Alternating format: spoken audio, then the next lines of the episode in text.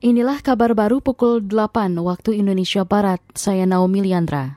Kantor Pencarian dan Pertolongan Banjarmasin atau Basarnas masih mencari lima korban longsor tambang emas di Desa Bulu Kuning, Kabupaten Kota Baru, Provinsi Kalimantan Selatan. Kepala SAR Banjarmasin Al Amrat mengatakan dari 12 korban yang telah ditemukan, enam di antaranya tewas. Korban selamat kini dirawat di Puskesmas Banian dan Rumah Sakit Marina. Bencana longsor tambang emas rakyat itu terjadi pada Senin malam pukul 23 Wita. Untuk memaksimalkan pencarian korban, Basarnas memberangkatkan dua tim yang berasal dari Pos SAR Kota Baru dan unit siaga SAR Batu Licin bergabung dengan BPBD Kota Baru dibantu TNI Polri.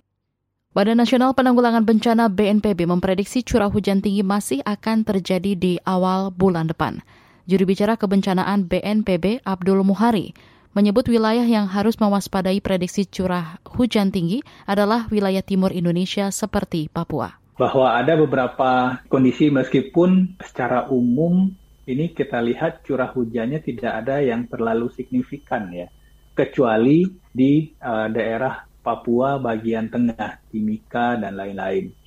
Ini cukup signifikan dan cukup tinggi ya. Artinya masyarakat di sana juga harus waspada untuk kemungkinan banjir bandang dan tanah longsor.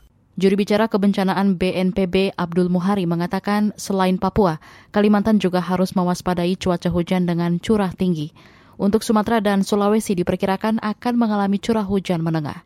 Kemudian wilayah Jawa Barat, Nusa Tenggara Timur hingga Bali cenderung mengalami curah hujan yang rendah. Sebanyak dua jembatan rangka baja di Desa Wih Nidurin, Kabupaten Bener Mariah, Aceh, ambruk diterjang banjir bandang. Akibatnya empat dusun terisolir. Kepala Bidang Kedaruratan Badan Penanggulangan Bencana Daerah BPBD Bener Meriah Anwar Sahdi mengatakan, bencana juga merusak hamparan perkebunan rakyat, seperti kopi, kentang, dan beberapa tanaman palawija lain. Tadi sempat surut airnya karena hujan reda, kan? Anggota kita satu bisa lewat. Hmm. Uh, tapi tadi saya barusan saya telepon masih ada hujan juga, jadi masyarakat memang stay di uh, rumah masing-masing, tidak bisa keluar dulu sementara.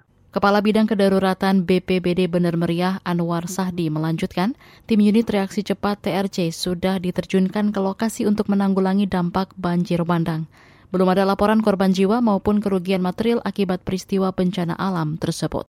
Saudara, demikian kabar baru KBR. Saya Naomi Liandra undur diri.